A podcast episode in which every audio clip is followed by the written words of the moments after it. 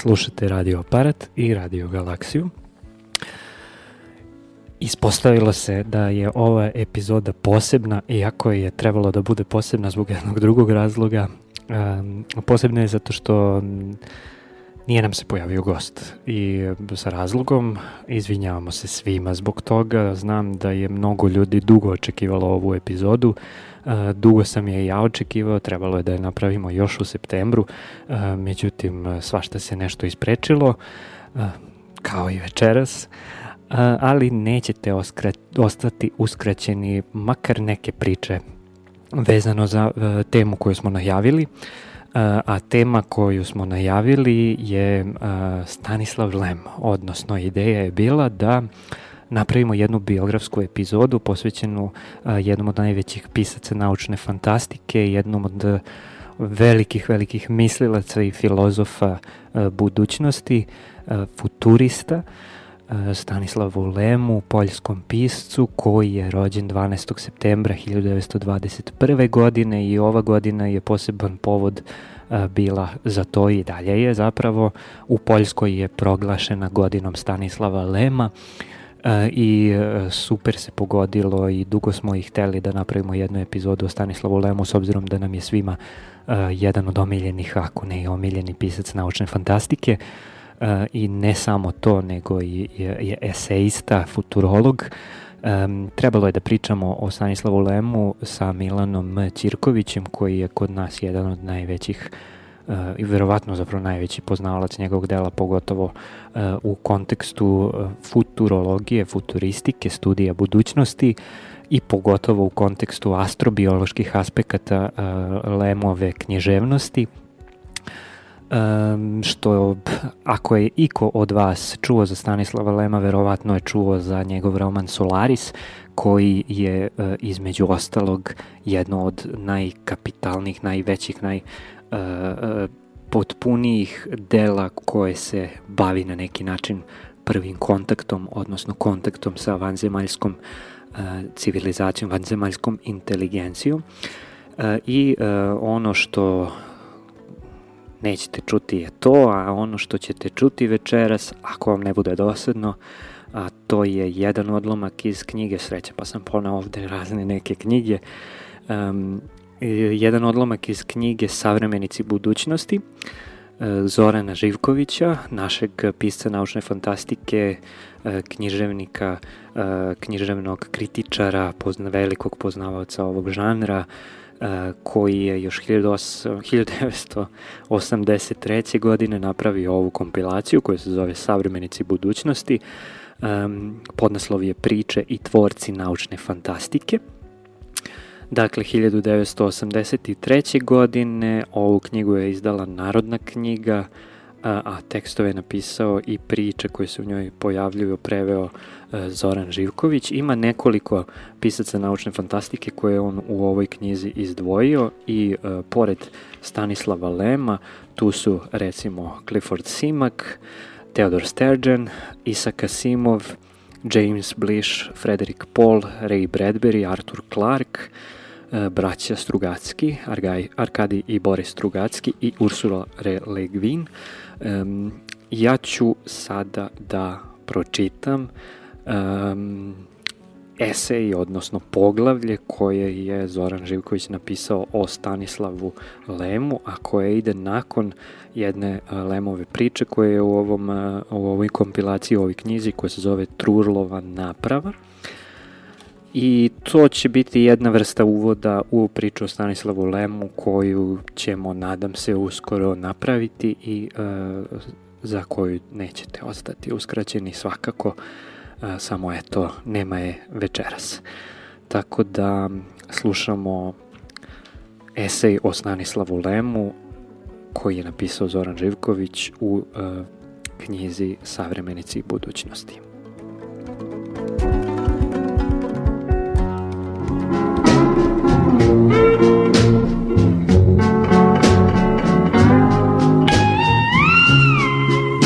Televizija je vrlo edukativna. Svaki put kad ne kupali TV, ja odem u drugu sobu da čitam knjigu. Prljava knjiga nikad nije prašnjava.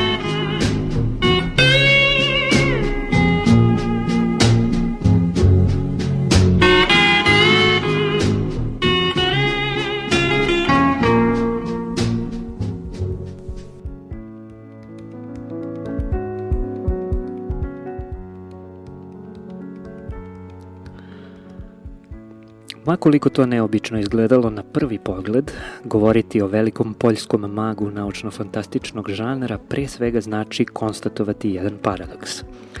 Pisac za koga ne mali broj ispitivača ove književne vrste bezrezervno tvrdi da predstavlja prvog svetskog majstora SF-a, ima prilično sumornu, da ne kažemo sasvim crnu viziju budućnosti žanra, čijem je priključenju matici velike književnosti možda najviše doprinao upravo vlastitim opusom. Nije lako objasniti ovu neobičnu protivrečnost. Možda bi kao polazište mogla poslužiti činjenica da Lem posjeduje naprosto kolosalno enciklopedijsko obrazovanje, sjajnu analitičku pronicljivost i nada sve bujan književni talenat. Poznata je anegdota da su upravo pomenuta odličja, otelotvorena u SF delima poljskog autora, dala povoda glasinama, začetim u Sjedinjenim američkim državama, da se iza jednosložnog lemovog imena ne krije živ čovek, nego naročiti računar, čiji naziv predstavlja akronim od Lunar Excursion Module, Mesečev ekskursioni modul. Uopšte nije slučajno to što je navedena anegdota nastala sa druge strane Atlantika. Većina velika većina tamošnjih pisaca naučne fantastike ne spada među prvorazredne intelektualce, tako da je pojava jednog nadprosečno načitanog i nadarenog SF autora koji uz to još potiče iz jedne zemlje koju Amerikanci sa puno propratne ironije svrstavaju iza onoga što nazivaju gvozdena zavesa, u prvi mah izazvala ozbiljnu nedoumicu i nevericu. Dublji razlozi ovakvog stava prilično su očigledni.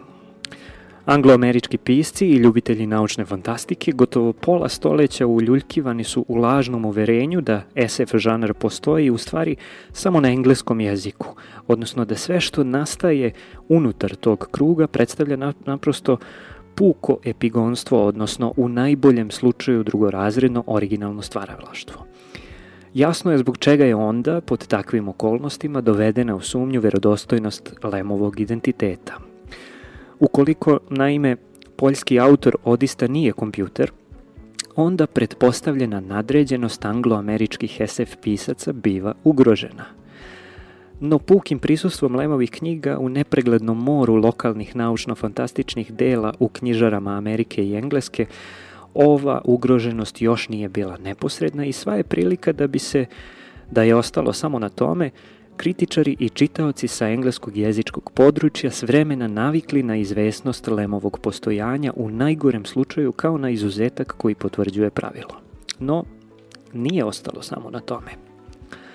Sredinom 70. godina neko je po svoj prilici i ne sluteći da će time izazvati do sad najveću aferu koja je ikada izbila u inače spokojnom i jednoličnom SF getu, objavio u Americi prevedene sa nemačkog jezika odlomke iz kapitalne dvotomne Lemove studije Fantastika i futurologija, u kojima se, kao u ostalom i celom delu, bez dlake na jeziku izlaže oštroj, a na trenutke nemilosrdnoj kritici celokupna angloamerička naučna fantastika. Razume se, ponos tamošnjih SF poslenika, uobraženih do nadmenosti u svoju tobožnju izuzetnost, dobio je time šamar, koji je tim zvonkije odjeknuo što je potekao od jednog čoveka koji je i inače jedva dobio vizu za ulazak u carstvo neprikosnovenih naučno-fantastičnih božanstava. Pisac ovih redova imao je priliku da jednom zgodom razgovara sa Lemom i tada je zamolio velikog poljskog SF barda da rezimira svoj kritički stav prema američkoj naučnoj fantastici. Evo šta je, između ostalog, kazao autor Solarisa. Sasvim sam svestan da je vrlo teško pogoditi bit slabosti neke književne vrste. Najposle kada ta vrsta ima mnogobrojne čitaoce, kad je životna, što nesumnjivo potvrđuje opsežna produkcija. Možda je uputnije govoriti o velikom raskolu između onoga što bi naučna fantastika mogla biti, s obzirom na idejne, političke i kulturne koordinate u kojima živimo i onoga što ona jeste, recimo u Americi, gde su pomenute okolnosti posebno naglašene. Umesto da u takvim prilikama bude trezvena i racionalna, čemu ja dajem prednost, američka naučna fantastika je iracionalna, mitotvoračka i to vrlo rđavo mitotvoračka. epigonska, podložna bionacionalističkim zastranjivanjima, dakle reakcionarna. Sama reakcionarnost pak nije uvek loša. Istorija kulture beleži velike filozofe kao što su Platon, Hegel ili Nietzsche, koji su u izvesnom smislu bili reakcionarni. Ali njihova reakcionarnost bila je visokog ranga. Nasuprot tome, reakcionarnost Amerikanaca u naučnoj fantastici iz osnove je naivna – Nju odlikuje visok stepen infantilnosti, ona bez ustezanja zahvata u razno razne trećerazredne filozofeme u kojima se jednim potezom rešavaju svi problemi sveta. Budućnost čovečanstva, perspektive razvoja, nauke, opštenje s drugim civilizacijama i tako dalje. Uopšte, teško je govoriti ozbiljno o američkom SF-u zato što se tamo ništa ozbiljno ne događa. Razume se, to se ne odnosi na sve autore. Izuzetak je, na primer, Ursula Le Guin. Ali 99% e, tog stvaralaštva sasvim je bezvredno. A najgore je to što i ona dela, koja bi mogla biti valjana, podležu tim destruktivnim pravilima zatvorene, izolovane sredine. Ja sam lično izgubio svaku nadu da se situacija u američkoj naučnoj fantastici može bitnije promeniti, odnosno da su tamošnji stvaraoci SF literature kadri pisati drugačije i bolje. Tako Lem. Jasno, e, reakcija na ovakav čeoni napad na sve vrednosti jedne naučne fantastike koja je živela i još živi u uverenju da joj nema premca u svetu bila je više nego burna – Nedugo pre nego što je objavljen inkriminisani odlomak iz studije Fantastika i futurologija, Lem je, po najpre u pomenutom smislu izuzetka koji potvrđuje pravilo, bio primljen za počasnog člana Američkog udruženja pisaca naučne fantastike. Ovaj gest trebalo je navodno da pokaže nešovinističku nastrojenost poslenika sa druge strane Atlantika kada je posredi ostali SF svet – Pritvornost ovog stava, međutim, ubrzo je izbila na videlo. Na prečac i sasvim u duhu makartijevskih pogroma, jedna frakcija pomenutog američkog udruženja SF pisaca donela je odluku da se Lemu oduzme počasno članstvo u ovoj organizaciji i da se njegova dela stave na crnu listu nepodobnih za štampanje u SAD. No, srećom, 70. godine nisu isto što i 50 pripljem, pripremljeni lov na veštice ne samo što nije uspeo, nego je urodio krajnje neočekivanim plodovima. Protiv neregularne odluke o isključenju Lema, moćan glas protesta diže jedna druga grupa američkih pisaca naučne fantastike, koja nije imala potrebe da poseže za represivnim merama kako bi prikrila vlastitu minornost – Nimalno slučajno ta grupa bila je okupljena oko vodećeg svetskog glasila za teorijsko i kritičko razmatranje naučne fantastike, Science Fiction Studies, koje je već navuklo na sebe gnev istih onih krugova koji su prokazali Lema, uglavnom zbog sličnih, premda umerenije naglašenih, nazora sa poljskim autorom. Takođe nije bilo slučajno što je jedan od najgrlatijih Lemovih branitelja bila ista ona Ursula Le Guin, čije SF ostvarenja autor Solarisa svrstava u onih skromnih 1 od 100 vrednih dela američke naučne produkcije, e, koju, koja ipak daju nadu u budućnost žanra. U raspravama koje su potrajale skoro godinu dana, sam Lem kao da je ubrzo bio zaboravljen, postavši samo puki povod jednog obimnog svođenja računa, čiji su uzroci bili znatno dublji. Kada se na kraju prašina slegla, Lem je u isti mah na izvestan način bio opovrgnut, ali je i dobio više nego valjano zadovoljenje. Opovrgnut je bio u tom smislu što se njegov pesimizam u pogledu budućnosti američke naučne fantastike ipak pokazao neosnovanim, budući da je ono zdravo u njoj, bez obzira na to što je predstavljalo sasvim skromnu manjinu, odnelo, kako izgleda, konačnu prevagu nad recidivima jednog preživelog ustrojstva SF establishmenta s druge strane Atlantika, Ustrojstvo koje, kako je Lem razložno primetio, nema ničeg zajedničkog sa pravom suštinom naučne fantastike, onakvom kakvo bi mogla biti. Zadovoljenje za poljskog autora nije se ogledalo samo u vraćanju u počasno članstvo udruženja iz kojeg je nasilno isključen, nego što je ipak nesra, nesranjivo, nesravnjivo značajnije i u brisanju sa svih crnih lista. I ne samo da je skinut sa indeksa, nego je učestvovanje u velikoj aferi odlučujuće doprinelo Lemovom sticanju neslučene popularnosti kod masovne publike. Poljski autor danas je ubedljivo najprevođeniji pisac u domenu naučne fantastike u Sjedinjenim američkim državama i Velikoj Britaniji, a ovaj prvi presedan u isti mah je značio otvaranje vrata čitavom nizu europskih i japanskih pisaca na angloameričku SF pozornicu, što predstavlja pojavu koja je do pre samo desetak godina naprosto bila nezamisliva.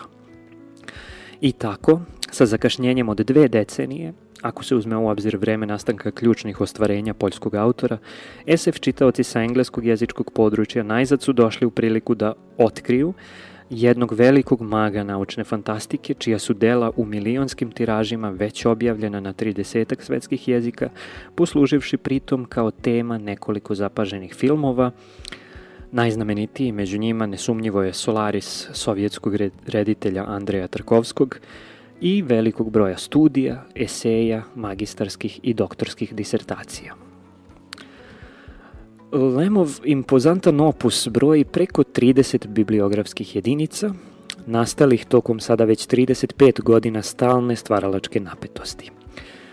Rođen u porodici lekara galicijskog porekla u gradu Lavovu 12. septembra 1921. godine, Lem 1940. godine kreće očevim i ujakovim stopama i upisuje se na studije medicine, ali ga u njihovom pohađanju uskoro osujećuje nacistička okupacija. Tokom rata, budući autor nepobedivih, radi u neosobito naučno-fantastičnom ambijentu automehaničarske radnje, održavajući veze sa poljskim pokretom otpora – Godine 1944. seli se iz Lavova, koji biva priključen SSSR-u, u Krakov, gde nastavlja medicinske studije i završava ih 1948. Potonja Lemova biografija lišena je velikih obreta, bar što se spoljnih zbivanja tiče. Posle kratkotrajnog rada u svojstvu lekara stažiste, Lem napušta taj poziv i počinje da se bavi pisanjem – U Krakovu živi već 35 godina, sada sa suprugom i desetogodišnjim sinom. Odnedavno drži katedru za futurologiju na tamošnjem univerzitetu. Um, obiman spisateljski opus poljskog autora mogao bi se podeliti u dve glavne skupine. Jednu sačinjavaju dela književno-umetničkog karaktera, koja sva, uz samo jedan izuzetak, spadaju u oblast naučno-fantastičnog žanra. Lem se ogledao u gotovo svim vidovima proznog SF stvaralaštva. Pisao je kratke priče, novele, romane, drame, scenarija. Druga skupina obuhvata ostvarenje takozvanog diskurzivnog karaktera. I ovde je raspon Lemovog interesovanja veoma veliki. Iako je ponajviše poznat kao svojevrstan filozof futurolog, pisac Solarisa sa podjednakom umetnošću ogledao se umešnošću ogledao se i u domenu teorije književnosti, kritičkog izučavanja SF žanra, egzobiologije i eseistike uopšte. Za radove na dva pomenuta područja Lem je dobio veliki broj poljskih i međunarodnih nagrada, među kojima valja izdvojiti, s obzirom na to da nas ovde prevashodno zanima SF opus poljskog fantaste, specijalno priznanje za životno delo, koje mu je dodelila Skupština Eurokona na trećem kongresu 1976. godine u Poznanju.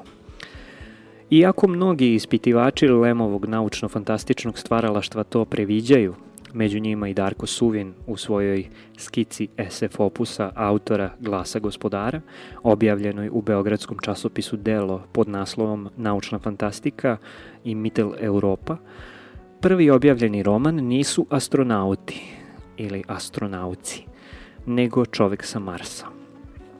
Posredi je delo napisano tokom drugog svetskog rata, a objavljeno u nastavcima s jeseni 1946. godine u nedeljniku Novi Svijat Prigod.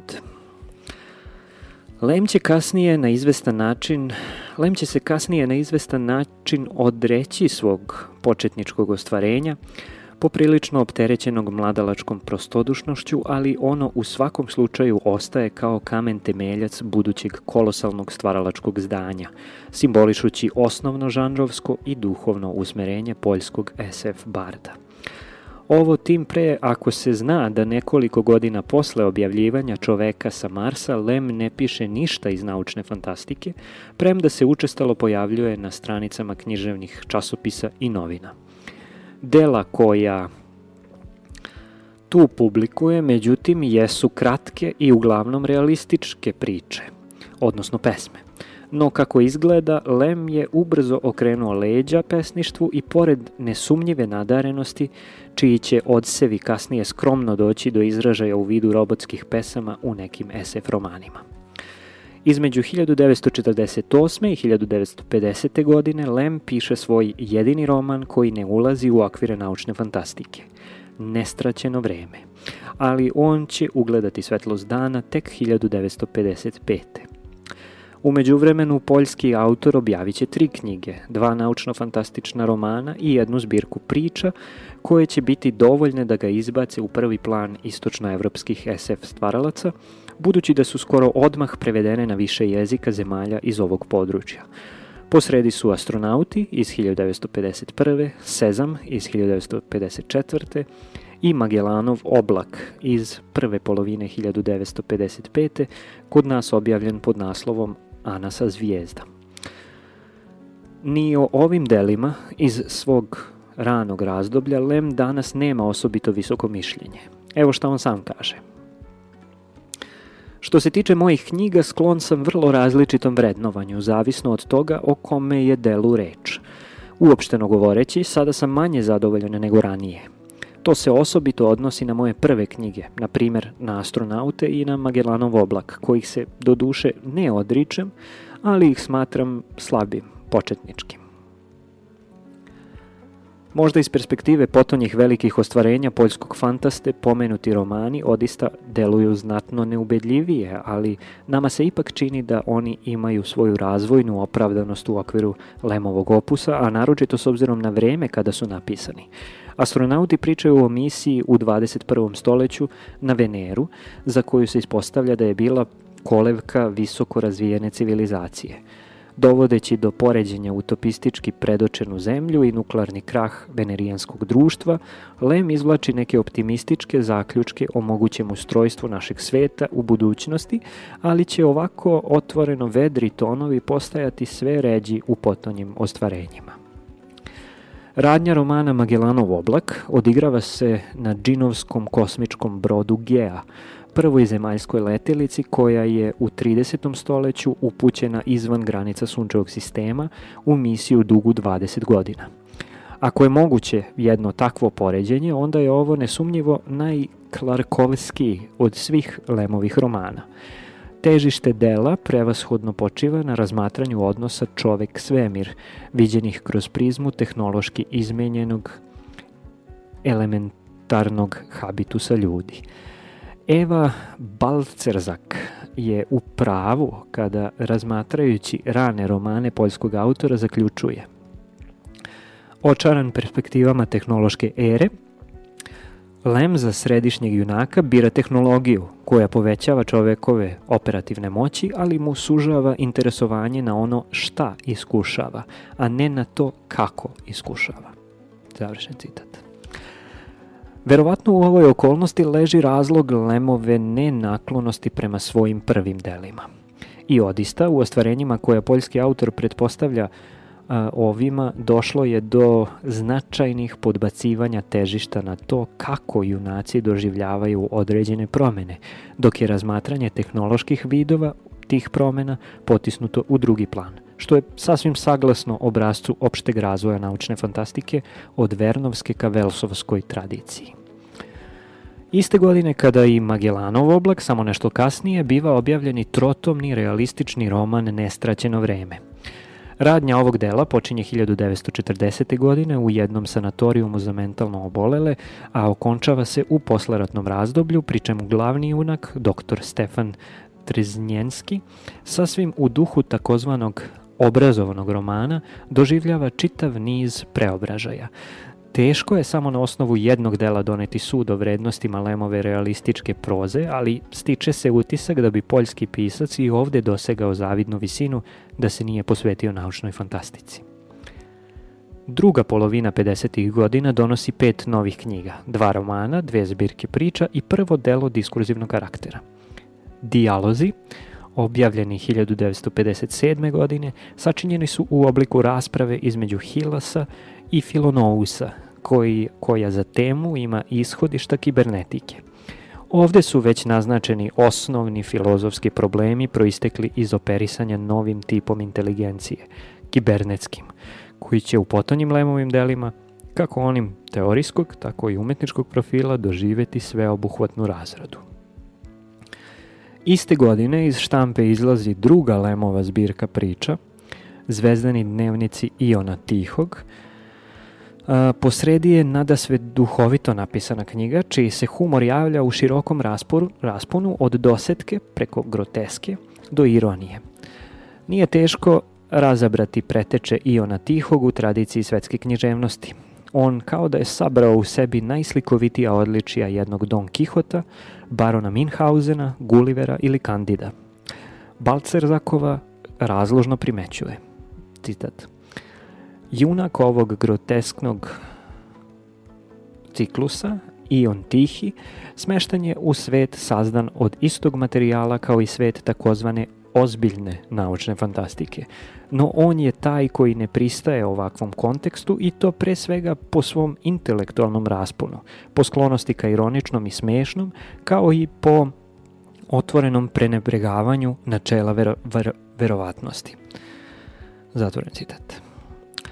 Važno je istaći da ova Minhausenska crta Lemovog junaka, koju ispitivači uglavnom ističu u prvi plan, često biva potisnuta svojevrsnom guliverskom crtom njegovog karaktera, koja u miljeu naučne fantastike osobito ima prilike da dođe do izražaja, s obzirom na široku lepezu mogućih stranih svetova i stvorenja koje ih nastanjuju.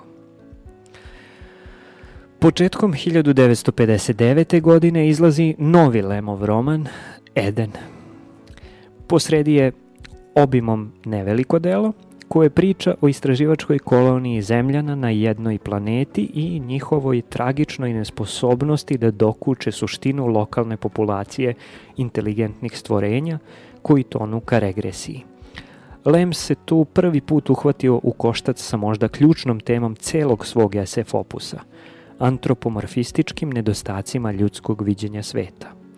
U osnovi na istim temeljima počivaju i njegova najbolja ostvarenja. Solaris, nepobedivi i glas gospodara. Ali, kako izgleda, u njima je viviseciranje pomenutog problema izvedeno uz nešto veće umetničko majstorstvo.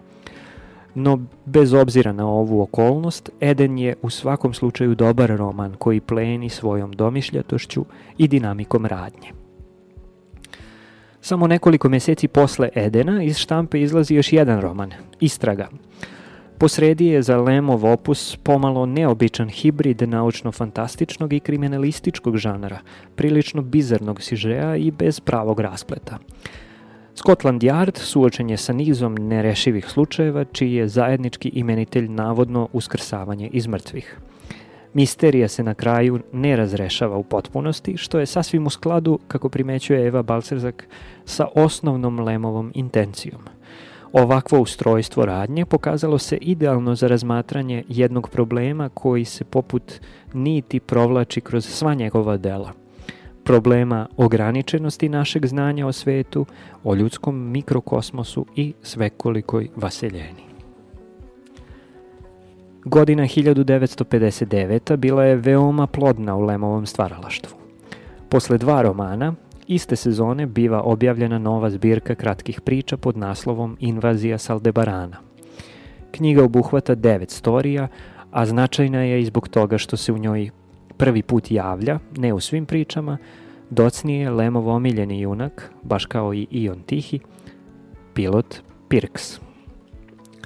Iako je naredna godina 1960. protekla bez jedne ostavljene, objavljene knjige, bilo je to samo zatišje pred buru koja će uslediti iduće sezone, kada Lem publikuje čak četiri knjige, tri romana i još jednu zbirku priča. Sezona je tok koja će, nema sumnje, ostati upamćena po najpre, pogotovo nenadmašnom Solarisu, ali pre ovog remek dela iz štampe su izašla dva druga romana, koja takođe zauzimaju visoko mesto u SF opusu poljskog fantaste, Povratak sa zvezda i Memoari pronađeni u Kadi. Već letimično čitanje romana Povratak sa zvezda dovoljno je da se uoči kako je gotovo u celosti nastalo, nestalo onog lemovog prostodušnog optimizma iz ranih dana. I ne samo da ga je nestalo, nego je isto vrelo iz koga je on poticao sada postalo izvorište prilično sumornog viđenja sveta – Astronaut upućen u jednu svemirsku misiju vraća se na matičnu planetu na kojoj je proteklo znatno više vremena i čiji su žitelji ostvarili na izgled savršenu utopiju. No, prividnost ovog savršenstva ubrzo izbija na videlo kada se ispostavlja da je posredi samo zajednica pukih hedonista koji, lišenih svih izazova što leže u osnovi napretka, sve dublje tonu u stagnaciju i dekadenciju. Razmatrajući Lemov roman, A. F. Britkov ispravno zaključuje da je poljski fantasta dobro uvideo da pod navodnicima, opasnost otuđivanja čoveka od sobstvene ljudske suštine ima korene ne samo u drevnoj borbi za mesto pod suncem, nego i u znatno skorašnjijem malograđanskom idealu vegetativnog postojanja, kao i da ta opasnost može ostati na snazi i posle likvidiranja osnovnih protivručanosti kapitalizma. Kraj citata.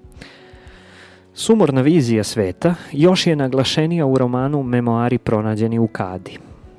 Ovde su posredi dve perspektive. Prva je udaljena 1700 godina u budućnosti vezana je za neke potonje naučnike koji u stenovitim planinama otkrivaju ruševine jednog podzemnog pentagona podignutog tu kao protiv teža nekom drugom neidentifikovanom protivničkom vojnom centru.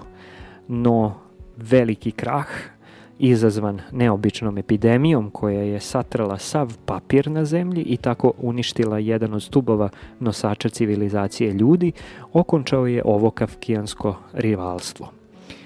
Druga perspektiva odnosi se na dnevnik jednog od službenika Pentagona, iz koga daleki arheolozi doznaju neverovatnu pripovest o paranoidnom ustrojstvu minulog sveta i grozničavom nastojanju protagoniste da nađe neko čvrsto uporište u njemu, nastojanju koje se završava potpunim neuspehom, odnosno junakovim samoubistvom.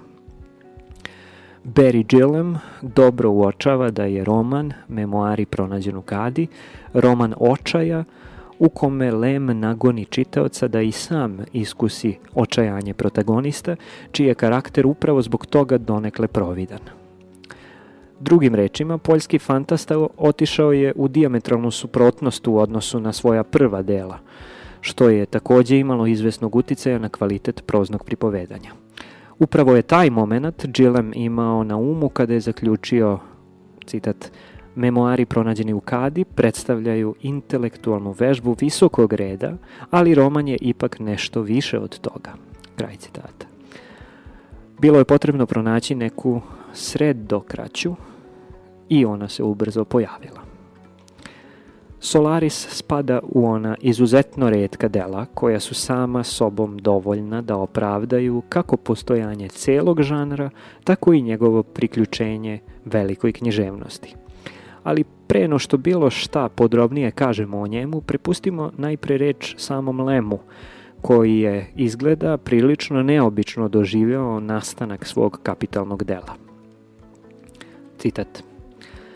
Kad pristupim radu na nekom delu, obično sam svestan onoga što želim da pišem. Koju vrstu knjige, s kakvim naglaskom, kog stila, hoće li to biti ozbiljno ili komično ostvarenje, groteska ili satira i tako dalje.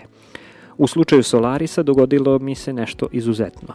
Ta je knjiga u doslovnom smislu reči bila pustolovna. Napisao sam je sasvim spontano, tako da me je na svakom koraku očekivalo po neko iznenađenje. Nisam svesno vladao građom dela, što je na kraju uslovilo da celu godinu odgađam završetak romana. Zadovoljavajući kraj nikako mi nije padao na pamet. Danas mi se čini da je knjiga valjano okončana. Smatram da je napisana baš onako kako treba. Od onoga što mi se ipak još i sad čini zagonetnim, izvojio bih pre svega problem veštačkog bića. Bića racionalno stvorenog, nastalog empirijskim metodom, sazdavanog tako reći kao što se zida kuća. To biće, junakinja Hari, očovečuje se i u tom pogledu dobiva nadređen položaj prema onima koji su je stvorili. Taj me je problem godinama toliko zaokupljao da sam mu se 1975. godine vratio i napisao priču pod naslovom Maska. U tom se delu više ne govori o veštačkom čoveku u trećem licu, niti se on opisuje s polja. Sada sama junakinja istupa u prvom licu. Ona je svesna svog porekla i statusa, potpuno saznaje istinu o sebi. Tu se javlja i klasičan problem slobode i neslobode programiranog uma – Zašto me je taj problem toliko zanimao da sam ga dva put razmatrao? Nisam sasvim siguran. Isto tako ne znam zašto me je interesovala baš žena, a ne muškarac ili neki neutralni pol, što je znatno češće u mojim delima. To ne samo što ne mogu objasniti drugima, nego ni sebi. Time se samo zamagljuje pravi karakter stvaralačkog mehanizma koji je delovao dok sam pisao moja nesposobnost da dokučim šta sam želeo da kažem u Solarisu, odnosno da razrešim sve njegove zagonetke, pa dakle i da pouzdano izložim najispravnije tumačenje, samo potvrđuje krajnju iracionalnost toga čina. Kraj citata.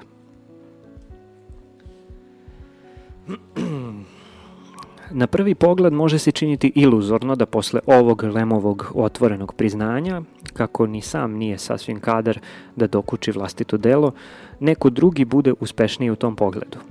No, uprkos ovoj nepovoljnoj okolnosti, sve je veći broj tekstova na mnogim jezicima koji se hvataju u koštac tajnama Solarisa. Među njima bismo posebno izdvojili dva koja nam se čine najcelovitija i najsuvislija. Prvi pod naslovom tražeći samo čoveka, jezik i etika u Solarisu, potekao je iz pera Edvarda Balcerzana. Posredi je izvrsno uočavanje dve različite upotrebe jezika u Lemovom najpoznatijem romanu, kao i ukazivanje na efekte u ravni građenja umetničkog značenja dela koji se time postižu.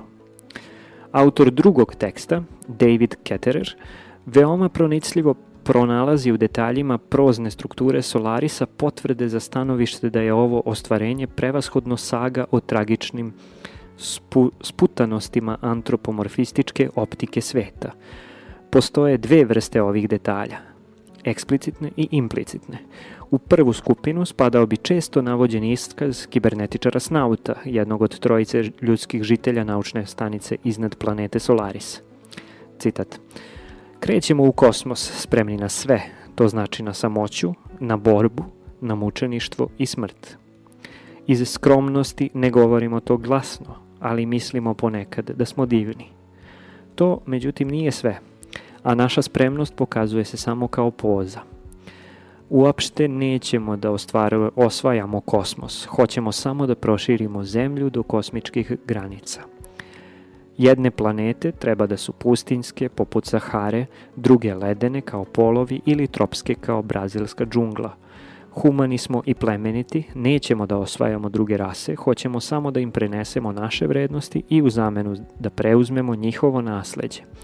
Smatramo se vitezovima svetog kontakta.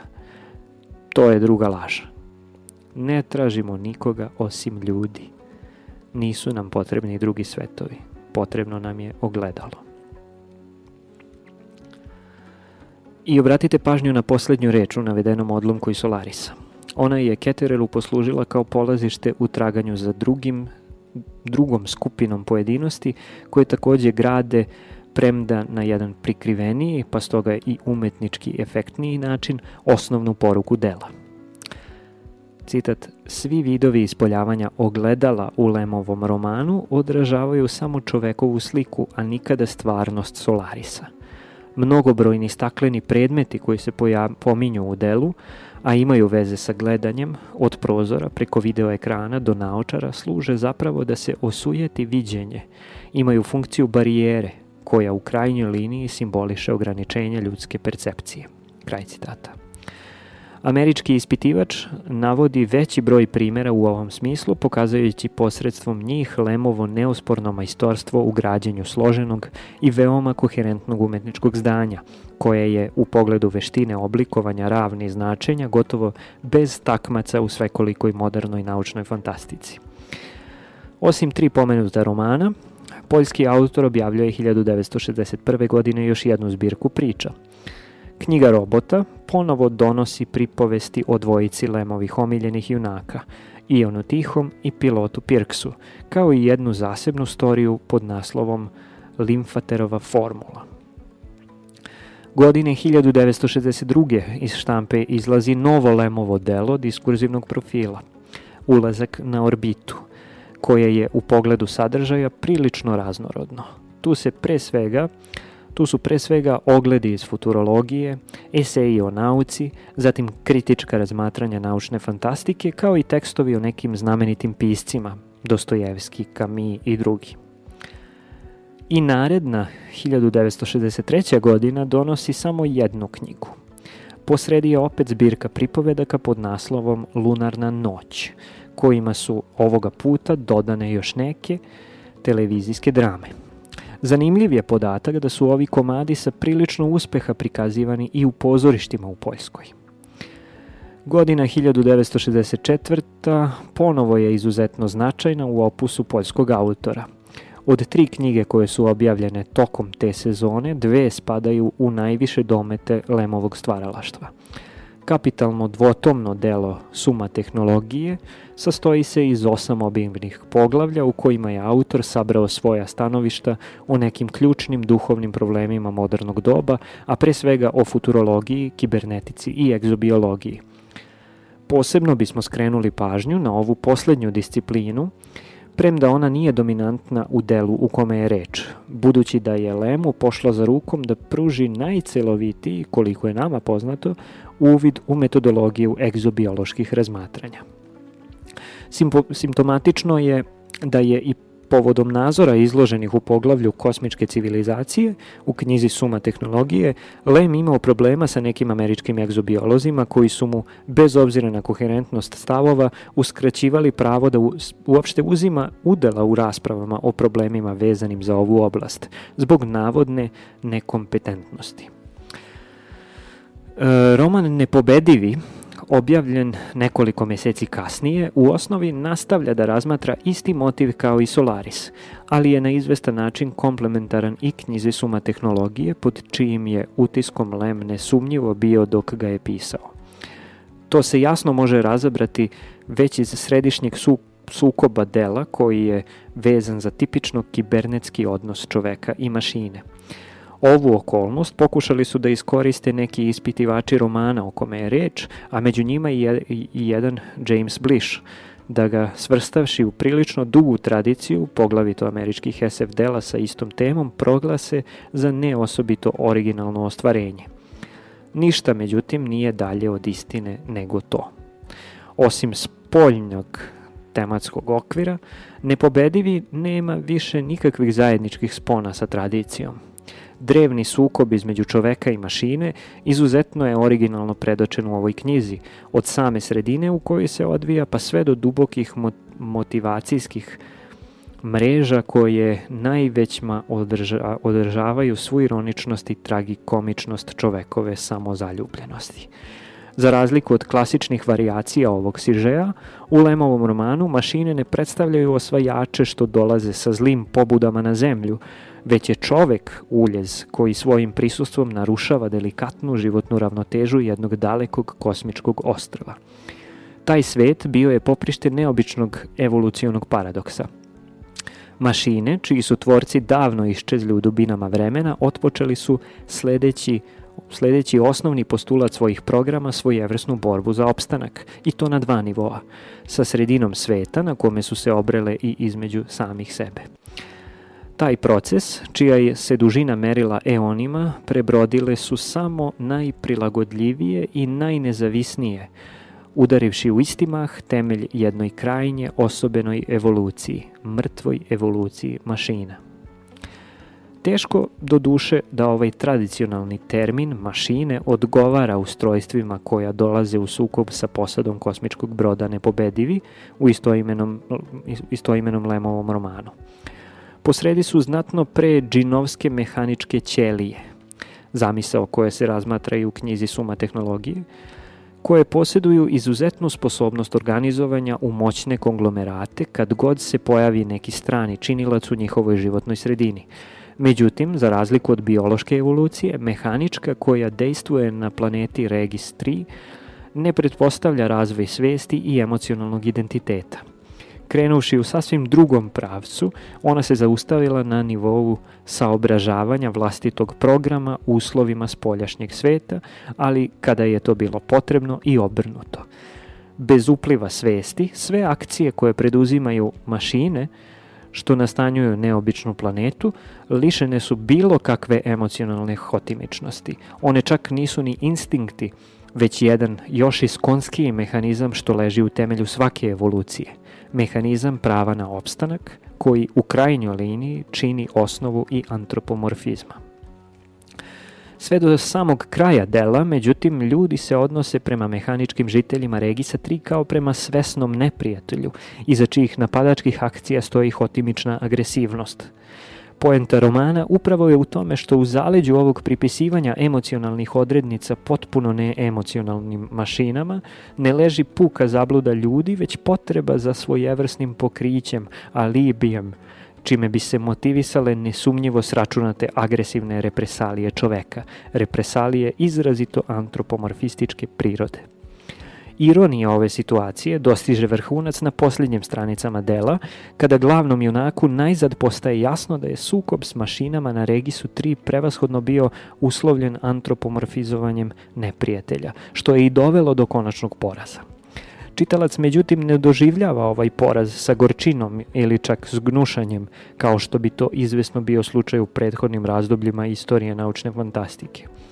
Umesto toga, preovlađuje određeno katarzično osjećanje, potencirano Rohanovom otupelošću pred spasonosnim prizorom džinovskog kosmičkog broda Nepobedivi, čiji naziv, kao i u ostalom celog romana, tu najzad dobija punu ironičnu dvosmislenost.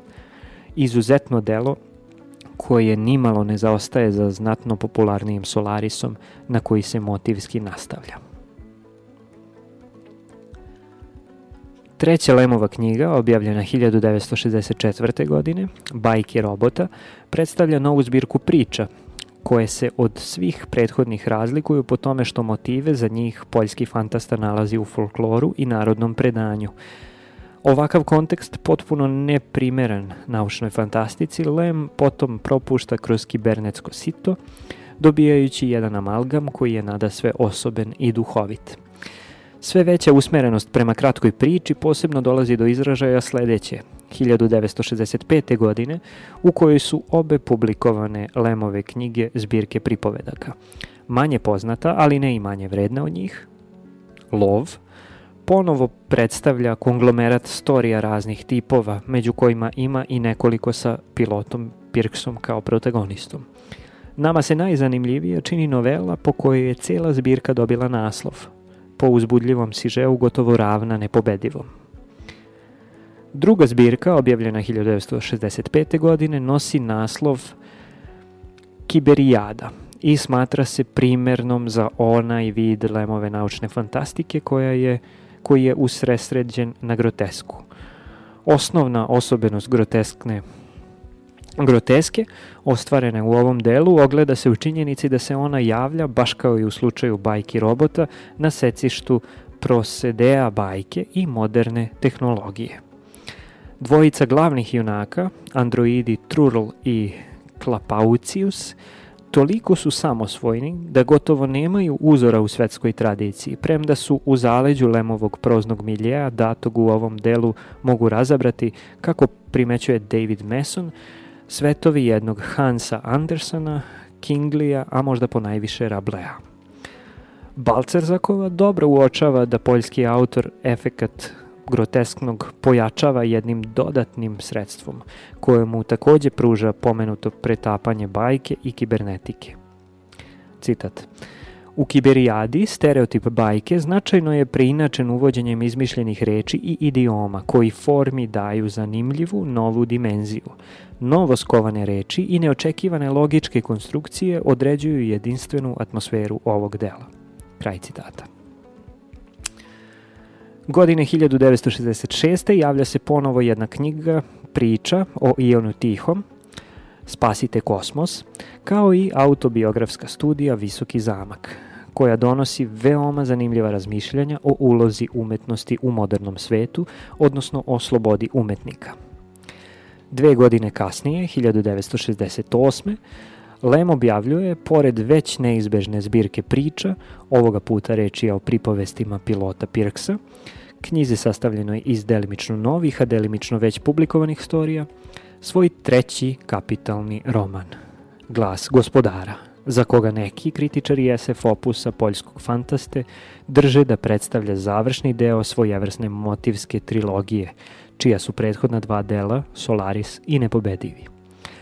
Argumenti za ovakvu tvrdnju odista se mogu naći u delu u kome je reč, budući da je ponovo posredi saga o tragičnostima antropomorfizma – Lemova sjajna metafora na početku glasa gospodara, o koristi koju bi kolonija mrava mogla imati od mrtvog filozofa na koga je slučajno naišla na svom putu, veoma upečatljivo predočava izglede junaka ovog romana da dokuče značenje poruke što se iz svemira sliva na zemlju, odnosno u nešto širem značenju izglede ljudi uopšte da dokuče svemir koji ne bi bio samo produženje zemlje i druge, koji ne bi samo bio, bili čovekov odraz u ogledalu. Iste sezone, 1968. iz štampe izlazi još jedna Lemova obimna diskurzivna studija, Filozofija slučaja, književnost u svetlosti empirije,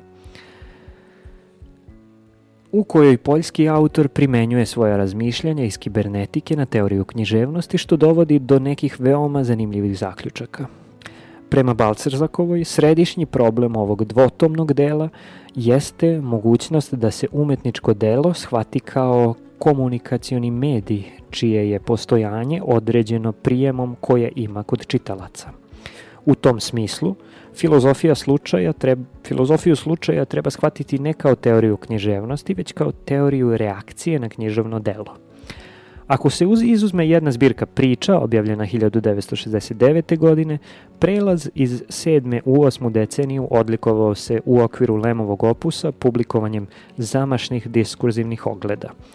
Dve sezone posle filozofije slučaja iz štampe izlazi do sad ubedljivo najcelovitija i najtemeljnija studija o teoriji naučno-fantastičnog žanra, fantastika i futurologija – Može izgledati pomalo neobično što ističemo ove vrline, budući da je vizija budućnosti ovog žanra izložena u knjizi o kojoj je reč sasvim sumorna. Objašnjenje je ponajpre u sledećem.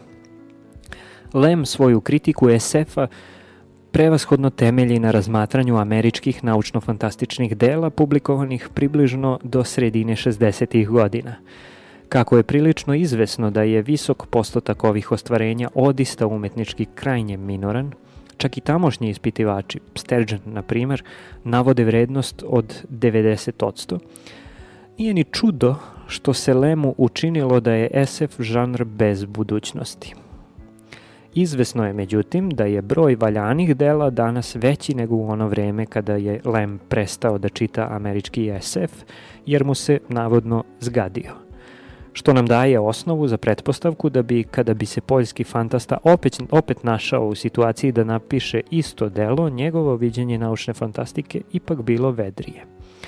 U prilog eventualno optimističkijem pogledu na budućnost SF žanra ide i Lemovo dopuštanje izvesnih izuzetaka, Legvinova na primjer, od minornog proseka američke naučne fantastike. Poljski autor govori do duše samo o skromnih 1%, ali nije li odavno utvrđeno da u vrednostima jedne književne vrste valja suditi ne po proseku, nego po izuzecima, makoliko oni malobrojni bili. Obeležavajući dve decenije od objavljivanja svoje prve knjige, Lem 1971. godine publikuje zbirku pod naslovom Nesanica – u kojoj sakuplja primere svih vidova svog bavljanja SF prozorom, odnosno diskurzivno-eseističkim temama, sa jedinim izuzetkom naučno-fantastičnog romana. Zanimljivo je međutim da je u Sjedinjenim američkim državama jedna duža novela o Ionu Tihom iz ove zbirke pod naslovom Kongres futurologa objavljena kao zaseban roman.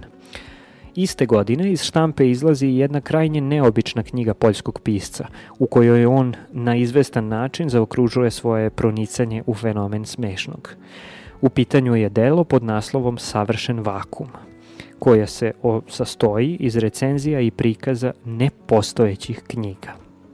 Humor ovde oscilira između satire i groteske, povremeno dosežući visove ostvarene u pripovestima o Ionu Tihom ili u Kiberijadi. 70. godine donele su izvesno smanjenje Lemovog spisateljskog poleta, što je više nego razumljivo. Imali se u vidu obimnost opusa poljskog fantaste i činjenica da on neprestano stvara od 1946. Autor Solarisa nastavlja do duše da piše, ali poglavito priče i kratke eseje, ostajući u motivskim, odnosno tematskim okvirima koji su već odavno omeđeni u njegovom stvaralaštvu. Jedino obimnije delo koje se pojavilo u tom razdoblju bio je roman Kijavica, objavljen 1976. godine, koji je na izvestan način komplementaran 70 godina staroj istrazi. 17 godina staroj istrazi, budući da se u njemu ponovo razmatraju posredstvom sižeja vezanog za odgonetanje 11 tajanstvenih pogibija stranaca u Napulju, granice mogućnosti ljudskog saznanja, odnosno funkcionisanje činioca slučaja u našem poimanju sveta. U pokušaju da na kraju donesemo nekakav završni sud o izuzetnom opusu ovog izuzetnog autora, neizostavno se moramo vratiti na ono što smo na početku označili kao Lemov paradoks – čak i ako dalje bude izricao sumorne sudove o budućnosti naučne fantastike, uz eventualno dopuštanje izvesnih izuzetaka, njihova vrednost imaće samo relativno važenje, budući da će je ograničavati, ako ništa drugo, onda sam opus velikog poljskog SF maga. Posredi je naime svojevrstan paradoks u paradoksu. Lem pisac demantovao je Lema kritičara – a iz svega toga najviše koristi imala je naučna fantastika, koja bi bez drugog još i mogla, ali bez prvoga nikako.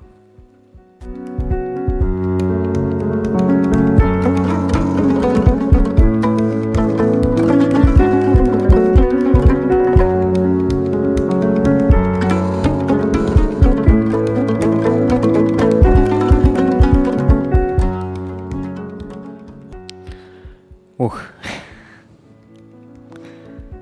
Da, mislim da nikad nisam čitao ovoliko dugo, bez ikakve pauze, u mikrofon. Hvala svima koji su ostali do kraja ovog poglavlja. Nadam se da vam je bilo korisno, zanimljivo, inspirišuće e, i da ćete čitati Lema ako niste ili da ćete pročitati neku drugu knjigu koju do sada niste. E, napominjem ponovo, u pitanju ovo što sam čitao e, je e, odlomak iz knjige Savremenici budućnosti Zorana Živkovića, našeg SF pisca, knjizi koja je objavljena 1983. godine. Lem je živeo do 27. marta 2006. godine i objavljivao je, ja mislim, i nakon te 1983. Uh, ono što je važno za nakon toga, na ta evo objavio da čuveni fijasko je objavio 1986. godine i tako dalje. Um, ajde da kažemo da je to to za večeras. Neobična epizoda niti je jedan pisac jedna knjiga, niti je Radio Galaksija. Neka, ovo je neka vrsta e, biblioteke čitalačkog kluba Radio Galaksije. E, nadam se da vam je bilo zanimljivo. I ja ću sada da vas ostavim ra programu radio aparata. Slušajte e, ostatak muzike radio aparata.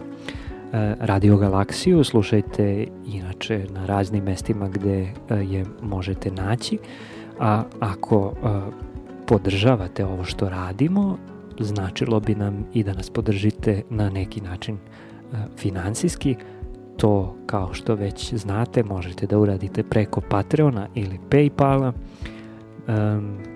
Mesečnim donacijama u iznosu koji vi odaberete na Patreonu ili jednokratnim donacijama preko Paypala, a ako želite da na neki drugi način pomognete svemu ovome što radimo, možete nam se javiti na e-mail adresu kontakt at radiogalaksija.rs